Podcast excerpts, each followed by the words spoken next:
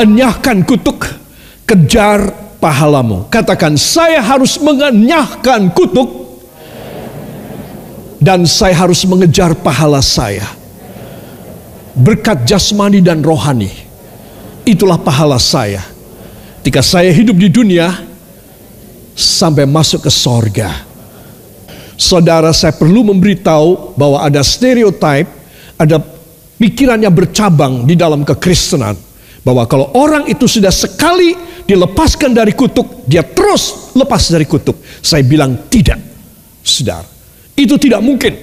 Yesus memberikan pengampunan pada kita supaya kita lepas dari kutuk. Amin. Saya mau tanya, kalau kita orang jatuh dalam dosa, kena hukuman lagi, kena kutuk lagi apa tidak? Kena.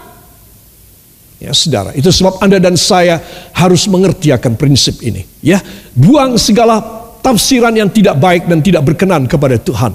Itu sebab, katakan sebab itu, setiap saat saya harus mengenyahkan kutukan karena saya hanya manusia biasa yang lemah, tetapi saya bergantung pada kuasa Tuhan.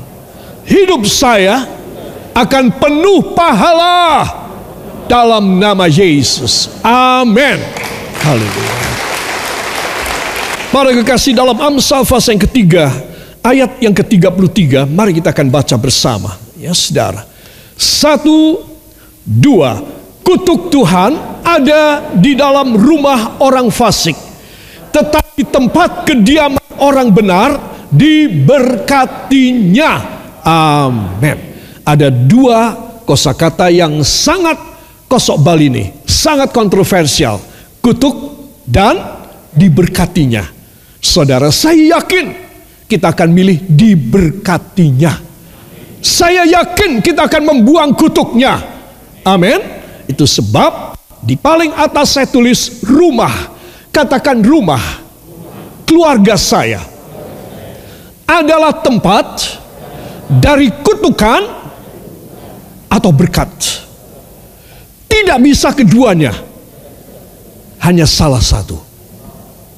Jadi saudara, rumah, tempat. Tadi dalam pelajaran pada kemarin dalam Bible study saya sampaikan the house of your servant. Rumah, tempat, keluarga. Apa pun rumahmu, engkau keluarga kerajaan seperti Daud, ya, dia tetap merendahkan diri. Dia tetap mempersembahkan hidupnya. Dia cuma minta supaya seluruh keturunannya tetap ada di hadirat Tuhan untuk 25 tahun. Iya, untuk selama-lamanya. Coba. Jadi kutuk Tuhan ada di dalam rumah saudara. Jadi kalau saya dan saudara menyadari, aduh saya punya rumah, artinya saya punya keluarga nih. Nah, saudara harus perhatikan baik-baik. Bagaimana dengan kita punya rumah, kita punya keluarga. Ya, kutuk Tuhan ada di dalam rumah orang fasik. Katakan orang fasik adalah orang yang tidak takut kepada Tuhan, yang hidup keduniawian. Yang dipikirkannya hanya duniawi saja. Itu fasik saudara. Jadi menurut saudara orang Kristen yang baik-baik punya bisa jadi orang fasik apa tidak? Bisa. Pendeta bisa fasik. Saudara, perhatikan. Di mana ada kefasikan dalam rumah tangga kita, di situ ada kutukan. Jadi saudara mesti tahu, kok gampang ya orang terkutuk? Gampang sekali. Apa susahnya? Saudara, untuk menjadikan diberkati itu agak susah. Untuk menjadikan dikutuki itu mudah sekali. Ya, semua orang mengatakan demikian, Anda sudah tahu. Itu sebab perhatikan, katakan rumah saya baik saya seorang diri maupun saya berkeluarga. Rumah saya hanya boleh menjadi tempat berkat Tuhan, bukan tempat kefasikan dan kutukan. Amin. Haleluya. Para kekasih, itu sebab saya perlu menjelaskan apakah kutuk itu. Ya saudara, kita hanya mengetahuinya secara umum saja. Ya, apa kutuk itu? Saudara, Ayo tentukan now pada pada pada latar belakang dari slide ini saya memberikan dua kondisi dan situasi. Di sebelah sini, ya saudara, di sebelah barat kita melihat hijau lebih banyak, ya hijau, padang rumput, gedung-gedung yang mewah, kemudian taman bunga. Tapi di sini ini today, hari ini, ya, ini ada tulisan di pelang itu today. Dan di sebelah sini ada tulisan tomorrow, besok itu gersang, tanahnya meletek, terbuka, ya, gedung-gedungnya sederhana dan kuno. Saudara, apakah yang kita dapat hari ini akan menjadi rusak, akan menjadi gersang? Saudara, jadi saudara dan saya harus sadar bahwa kutuk itu mudah kita alami dalam hidup kita. Bukan sekali dibuang oleh Tuhan, lantas saudara terus hidup seenaknya. Tidak bisa. Tuhan dia sudah menghancurkan kutuk. Pada saat saya dan Anda makan perjamuan kudus sebentar, kutuk dihancurkan. Tapi besok, nanti, atau lusa, atau sebulan lagi, apakah Anda tidak melanggar firman? Itu sebab begitu kita orang alarm pada diri kita, pada hati dan pikiran kita, aduh aku telah berbuat dosa, cepat bertobat. Siapa tahu engkau sebentar lagi tidak ada. Itu sebab Anda dan saya harus menentukan now. Saya harus menentukan saat ini. Saya harus menentukan hari ini. Saat ini. Pahala dan berkat atau kutuk. Ya. Nah, itu sebab Anda dan saya harus tahu ya Apakah dan mengapakah kutuk itu? Dalam ulangan pasal yang ke-11, para kekasih mohon dibuka pada Alkitab saudara. Kitab ulangan pasal 11, ayat yang ke-26 sampai dengan ayat yang ke-28. Mari kita akan baca bersama. Berkali-kali Israel umat Tuhan yang sangat Arya sangat luar biasa di mata Allah. Berpuluh kali kena kutukan. Itu sebab Tuhan memberikan sekarang satu pelajaran kepada mereka. Baiklah kita belajar juga. Ulangan fase yang ke-11 ayat 26, 27 dan 28. Satu, dua.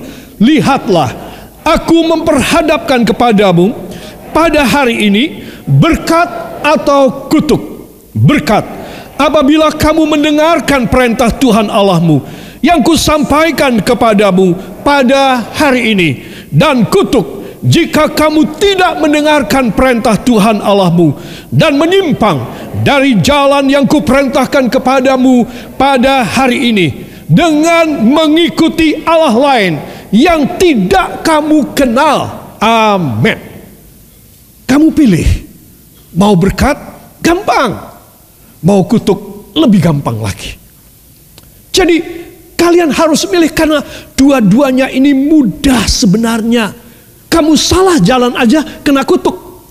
Itu sebab pada hari ini katakan pada hari ini.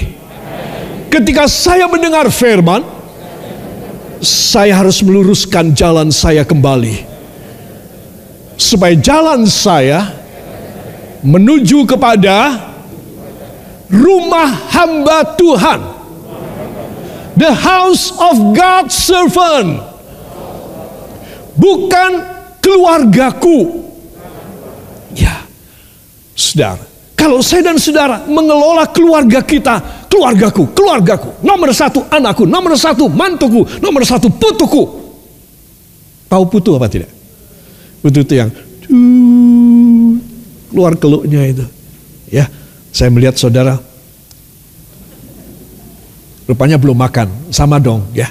Jadi saudara mesti tahu, kita tidak boleh mengutamakan keluarga itu nomor dua. Nomor satu kan ada kepada Tuhan hadirat Tuhan. Nanti lihat, saudara tidak cari uang sendiri. Saudara tidak cari kerjaan sendiri. Saudara tidak cari keberuntungan sendiri. Karena Tuhan yang membela dan bekerja bersama dengan saudara. Kenapa? Karena saudara nomor satu Tuhan. Coba saudara mata duitan. Saudara nomor satu duit. Wah, saudara Tuhan mundur, mundur. Langsung gitu aja. Kat malaikat dicatat. Kenapa dicatat? Karena sudah mundur dari Tuhan. Nanti kalau sudah kembali lagi, dia berkata pada malaikat, "Kat malaikat dicatat." Tunggu sampai sungguh-sungguh dekat sama Tuhan. Amin. Harus. Jadi saya dan saudara harus perhatikan tiga ayat ini. Ayat 26, lihatlah aku memperhadapkan kepadamu pada hari ini berkat dan kutuk dua-dua dihadapkan. Kau pilih 27. Berkat apabila kamu mendengarkan perintah Tuhan Allahmu yang kusampaikan kepadamu pada hari ini. Kutuk jika kamu tidak mendengarkan perintah Tuhan. Jadi dari dua ayat ini kita tahu untuk bisa dikutuki itu mudah. Seringkali iblis bisikin kepada telinga hati saya. Tidak usah perhatikan firman. Apa kamu itu tidak muak? Apa kamu itu tidak bosan? Saben hari kamu baca Alkitab. Saben kali kamu melayani khotbah. Saben kali kamu mendengarkan dari live streaming. Live streaming itu larang loh. Sekali live streaming itu 50 ribu loh. Jarenya. Katanya. Para kekasih. Jangan muak. Karena ketika engkau mendengarkan firman. ya Ayat 27. Perintah Allahmu yang aku sampaikan padamu pada hari ini. Engkau menerima berkat. Jadi ketika kita mendengar firman. Menerima apa saudara? Menerima berkat. Kalau orang Kristen mengerti ayat ini, oh tidak bisa, aku tetap harus dengar firman. Karena aku minta diberkati. Para kekasih, semua katakan, saya siap untuk diberkati. Caranya mudah. Saya mau taat kepada firman. Titik. Lalu hidup saya, pahalanya, berkatnya luar biasa. Demikian firman. Amin. Haleluya. Kemudian ayat 28 dan kutuk jika kamu tidak mendengarkan perintah Tuhan Allahmu dan menyimpang dari jalan yang kuperintahkan kepadamu pada hari ini dengan mengikuti Allah lain yang tidak kamu ketahui yang kamu tidak kenal. Kamu pakai jalan Allah, berhala, dewa, dewi, peraturan ini, peraturan itu, sesajen ini, sesajen itu, ya syarat ini, syarat itu yang sebenarnya kamu tuh tidak tahu. Kamu cuma ngikutin aja untuk ngikutin orang ini punya perkataan. Tomorrowmu, besok pagimu, kamu langsung jadi gersang. Kamu langsung meletek tanahmu. Kamu langsung tidak bisa menghasilkan. Begitu kamu tidak mendengar firmanku, kamu begitu mulai menyimpang dan atas perintah ataupun nasihat dari orang-orang yang lain kepada ilah-ilah yang sebenarnya kamu tidak kenal. Begitu kamu menyimpang, kena kutuk. Coba. Kalau saudara tidak diajari kayak begini, saudara nggak tahu nanti. Kalau saudara dikutuki, saya masuk neraka karena saya gembalamu. Ini gembala yang bodoh ini. Tidak ngajarin domba-dombanya supaya jangan sampai kena kutuk. Sebab Anda dan saya harus tahu, jangan bodoh memilih. Katakan saya harus pandai memilih. Dalam semua bidang, saya harus minta hikmat supaya hidup saya tidak menyimpang dalam nama Yesus. Amin. Haleluya. Bodoh memilih tidak taat kepada firman, mengikuti ilah yang lain. Saudara, ini pasti kena kutuk. Itu sebab saudara mesti tahu. Please, nyadar. Aku hidup tidak lama lagi. Tapi perjanjian Tuhan ini panjang dan luar biasa hebat. Ketika sisa umur hidupku cuma sebentar, aku mau pakai supaya kalau aku mati, anak keturunanku menerima anugerah yang besar. Amin. Itu warisan saudara nanti. Itu sebab Anda dan saya harus tahu bahwa kita perlu menentukan saat ini. Katakan saat ini saya harus ambil keputusan. Dalam nama Yesus, saya mengenyahkan kutuk dan saya mengejar pahala. Karena itu mudah, kedua-duanya mudah. Saya mengenyahkan kutuk dengan taat kepada firman mulai hari ini dan saya mengejar pahala saya dengan taat kepada firman mulai hari ini. Amin. Haleluya. Itu sebab para kekasih saya menunjukkan gambar orang yang melawan kepada firman. Ya, ini yang nomor dua. Maliaki pasal 2 ayat yang kedua. Kitab Maliaki pasal 2 ayat yang kedua di sini ada ayatnya kita akan baca. Satu, dua. Jika kamu tidak mendengarkan dan jika kamu tidak memberi perhatian untuk menghormati namaku, firman Tuhan semesta alam, maka aku akan mengirimkan. Ulangi lagi, maka aku akan mengirimkan kutuk ke antaramu dan akan membuat berkat-berkatmu menjadi kutuk. Wah, saudara, sudah pernah diberkati kita kelihatannya. Ya, dari ayat ini, aku telah memberkati kamu luar biasa. Ya, sorry, terpaksa aku rubah berkatmu menjadi kutuk. Saudara ini menyakitkan sekali. Saudara tahu kitab Maliaki ini disusun untuk menutup perjanjian lama memasuki perjanjian baru. Maliaki sebenarnya seorang nabi yang kecil. Nabi yang kecil itu bagaimana? Nabi kecil itu artinya menulisnya cuma sedikit. Kalau seperti Yesaya, Yehezkiel, Yeremia itu nabi besar. Karena nulisnya banyak, puluhan ayat, uh, puluhan pasal. Saudara, tetapi Maliaki ini sedikit pasal. Cuma empat pasal saja. Saudara, dan dia menulis cuma sedikit ayat. Tetapi ayat ini membuat kita orang di perjanjian baru kebayang hukuman di perjanjian lama. Kebayang. Yaitu kutukan. Itu sebab kita harus waspada. Jika kamu tidak mendengarkan, nah ini caranya kok ya sama ya. Sama dengan yang tadi itu. Tadi di mana kitab apa? Ulangan. Ya, di kitab ulangan tadi kita sudah baca pasal yang ke-11 ayat 26 sampai 28. Loh, kok sekarang pada akhir perjanjian lama kok ya masih sama ya? Aku harus mendengarkan, harus perhatian kepada firman Tuhan. Kok ya sama ya? Memang, semua katakan memang Tuhan tidak berubah. Kemarin, hari ini, sampai selamanya. Amin. Haleluya. Jadi peraturannya tidak usah bingung anak-anak Tuhan. Karena tidak pernah diratifikasi, tidak pernah dirubah, tidak pernah diperbaiki.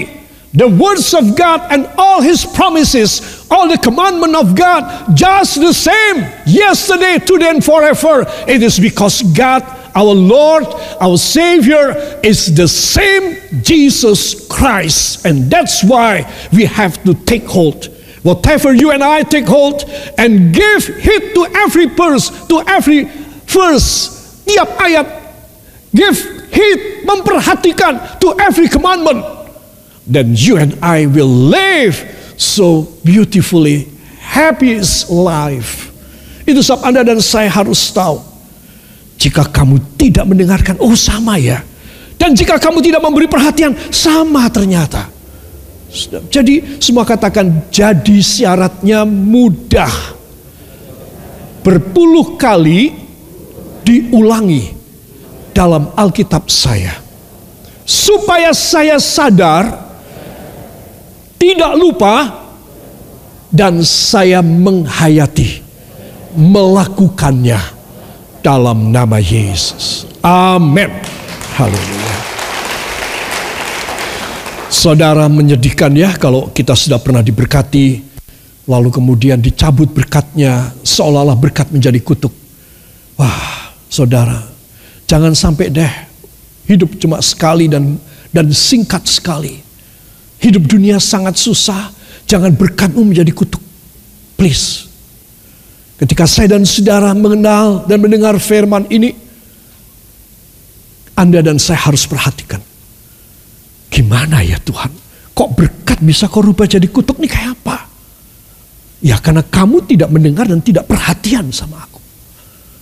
Itu sebab berapa puluh kali saya bilang sebagai gembala saudara, kalau saudara mendengar firman, saudara harus sungguh-sungguh di rumah sekalipun, saudara harus menghargai firman Tuhan.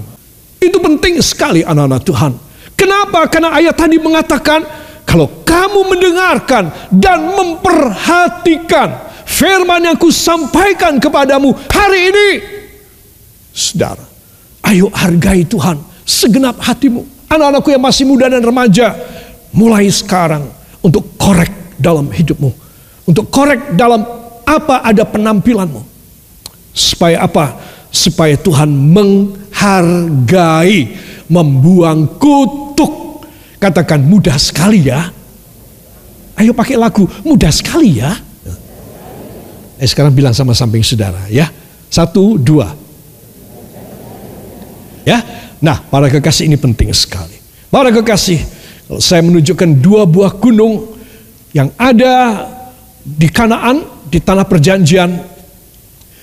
Gunung ini satu bernama Gunung Ebal. Katakan Ebal. Dan yang satu lagi namanya Gerisim. Ya. Dua gunung ini memang istimewa. Saya yakin dibikin oleh Tuhan. Dan Tuhan membuatnya sama walaupun tidak sebangun tapi ketinggiannya sama, konturnya sama, ya saudara, derajat lerengnya sama. Dan ini dibikin kembar. Kelak kemudian hari ketika mereka masuk ke Israel, eh, ke tanah Kanaan, maka bangsa Israel ini harus selalu dari semua radius mereka akan bisa melihat dua gunung ini. Satu bernama Ebal, satu bernama Gerisim. Tuhan berkata, gunung yang bernama Ebal itu adalah gunung kutuk.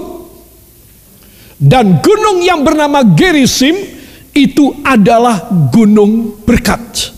Jadi di mana pun kawasan mana pun kamu berjalan karena tidak ada mobil pada waktu itu ya dan kamu berjalan saja atau naik onta apakah naik keledai apakah naik kuda, kamu itu ada di sekitarnya Ebal dan Gerisim. Kamu bisa melihat dua bentuk gunung ini. Kamu tidak boleh lupa. Kamu lihat dari selatan, ya kamu harus bilang bahwa ini Ebal, ini Gerisim. Kamu dari utara, kamu juga harus bilang ini Gerisim, ini Ebal. Jangan kamu bolak-balik. Banyak orang yang kehilangan arah di dalam otaknya bisa tertukar saudara. Wah ini Ebal ini, ini Gerisim. Tidak boleh tukar. Dari mana pun kamu melihat dan memandang dan berjalan, kamu harus bisa mengenali mana Ebal, mana Gerisim. Coba kalau saudara melihat Tuhan dari zaman kuno purbakala sekali. Sudah memberikan cara pembelajaran. Tuhan memberi contoh orang Israel ini loh, tetengernya. Tahu tetenger apa tidak? Ya, inilah. Ini yang menjadi uh, milestone-nya, ini menjadi tetengernya. Yang ini adalah Ebal, yang ini adalah Gerisim. Saudara yang kekasih. Supaya mereka bisa melihat dari sudut mana pun, dari radius berapapun mereka bisa melihat. Kalau jauh ya melihat, oh itu pasti Gerisim, ini pasti Ebal. Jadi mereka tahu, Oh, gimana aku bisa menerima gerisim dalam hidupku? Gimana aku akan mengalami ebal dalam hidupku? Dari jauh. Mereka harus tahu. Jangan sampai lupa. Dia membuat bentukan tetenger memorial yang abadi sampai kiamat. Sampai sekarang pun ada. Jadi saudara mesti tahu Gunung Ebal dalam ulangan 11 ayat 29, ulangan 27 ayat 13 disebutkan adalah gunung kutuk yang harus diucapkan oleh separuh dari suku Israel. Berapa suku? Enam suku. Separuhnya. Dari 12 suku dipilih oleh Tuhan separuh enam suku ke Ebal. Ke sini, ke Ebal. Ya, tuh aku ajak lali. Ya. Ke Ebal, enam suku. Ya, pemimpin-pemimpinnya naik ke lereng gunung dan mengucapkan kutuk. Dan enam suku sisanya naik ke gunung Gerisim. Pemimpin-pemimpinnya mengucapkan berkat. Saudara. Jadi mereka berteriak-teriak tentang ter terkutuk. Terkutuklah ini, terkutuklah ini. Sini, diberkatilah ini, diberkatilah ini. Untuk apa? Makanya di gereja ini Anda dan saya selalu sering saya ajak untuk mengucapkan. Itu betul apa salah sih? Dan cara ini sudah banyak yang melakukan juga. Kenapa? Karena ini. Ucapkan apa yang menjadi sabda Tuhan. Jadi mereka meneriakkan di gerisim berkat. Apa aja yang bisa diberkati mereka para pemimpin sukunya harus mengatakan. Mereka harus berkhotbah kepada rakyat yang ada di bawah. Pasti mereka tidak dengar, no problem. Pokoknya mereka pergi kepada perkataan ini kepada penguasa di udara. Katakan firman kepada penguasa di udara. Jadi saudara mesti tahu. Demikian juga yang ada di Gunung Ebal. Mereka juga berteriak-teriak. Rakyat di bawah tidak dengar kan terlalu jauh. Terlalu tinggi mereka. Tetapi diucapkan pada penguasa-penguasa di udara. Sehingga mereka tidak main-main. Mereka itu adalah kutukan. Iblis adalah kutukan. Jadi orang milik Tuhan tahu apa yang bakal terkutuk, tahu apa yang bakal diberkati. Coba. Tuhan itu sangat bijak. Sesuai dengan perkembangan masa, perkembangan generasi, perkembangan sosial, ekonomi, budaya, teknologi, politik, ekonomi dan lain sebagainya. Tuhan itu berkembang supaya orang segala zaman bisa mengerti firman Tuhan. Dan kalau sekarang saudara ada pada zaman yang akhir ini, if you and I now we are stay and living in the cutting edge of this age, pada zaman milenial ini kita sudah pada pinggirannya, maka saudara saya harus tahu, masih tetap loh firman ini, Ebal Kirisim, selalu diingat. Para kekasih saya tutup di sini. Ebal ada kutuk dan iblis merampok. Ingat ini ya. Jadi begitu kita tahu kok ada faktor kutukan ya kelihatannya di rumah tanggaku di pribadiku ini ah aku pasti sebentar lagi kena rampok ini. Ya, iblis adalah perampok dan pembunuh dari sejak semula. Amin. Katakan iblis adalah perampok dan pembunuh dari sejak zaman kejadian. Jadi kalau saudara tahu, maka saudara harus nyadar. Tuhan hamba tidak mau dirampok. Kesukacitaan hamba, kedamaian hamba, kesehatan hamba, keuangan hamba, masa depan hamba. Jaga Tuhan. Jangan sampai hamba tetap ada pada Ebal. Hamba harus pada Gerisim. Kenapa 12 suku dipisah dibagi dua enam enam. Supaya tahu sama imbang ini 50-50 sama mudah. Dibilang sukar sama sukar. Tetapi ternyata sama mudah. Mudahlah kita jatuh ke Ebal mudahlah kita naik ke Gerisim. Sudah. Itu sebab Anda dan saya kita harus tahu. Kalau saya dan saudara hak pemeliharaan, katakan hak pemeliharaan dari Allah Bapa tidak boleh lepas. Tidak boleh kena rampok oleh iblis. Supaya hidup saya tidak terkutuk dalam nama Yesus. Amin.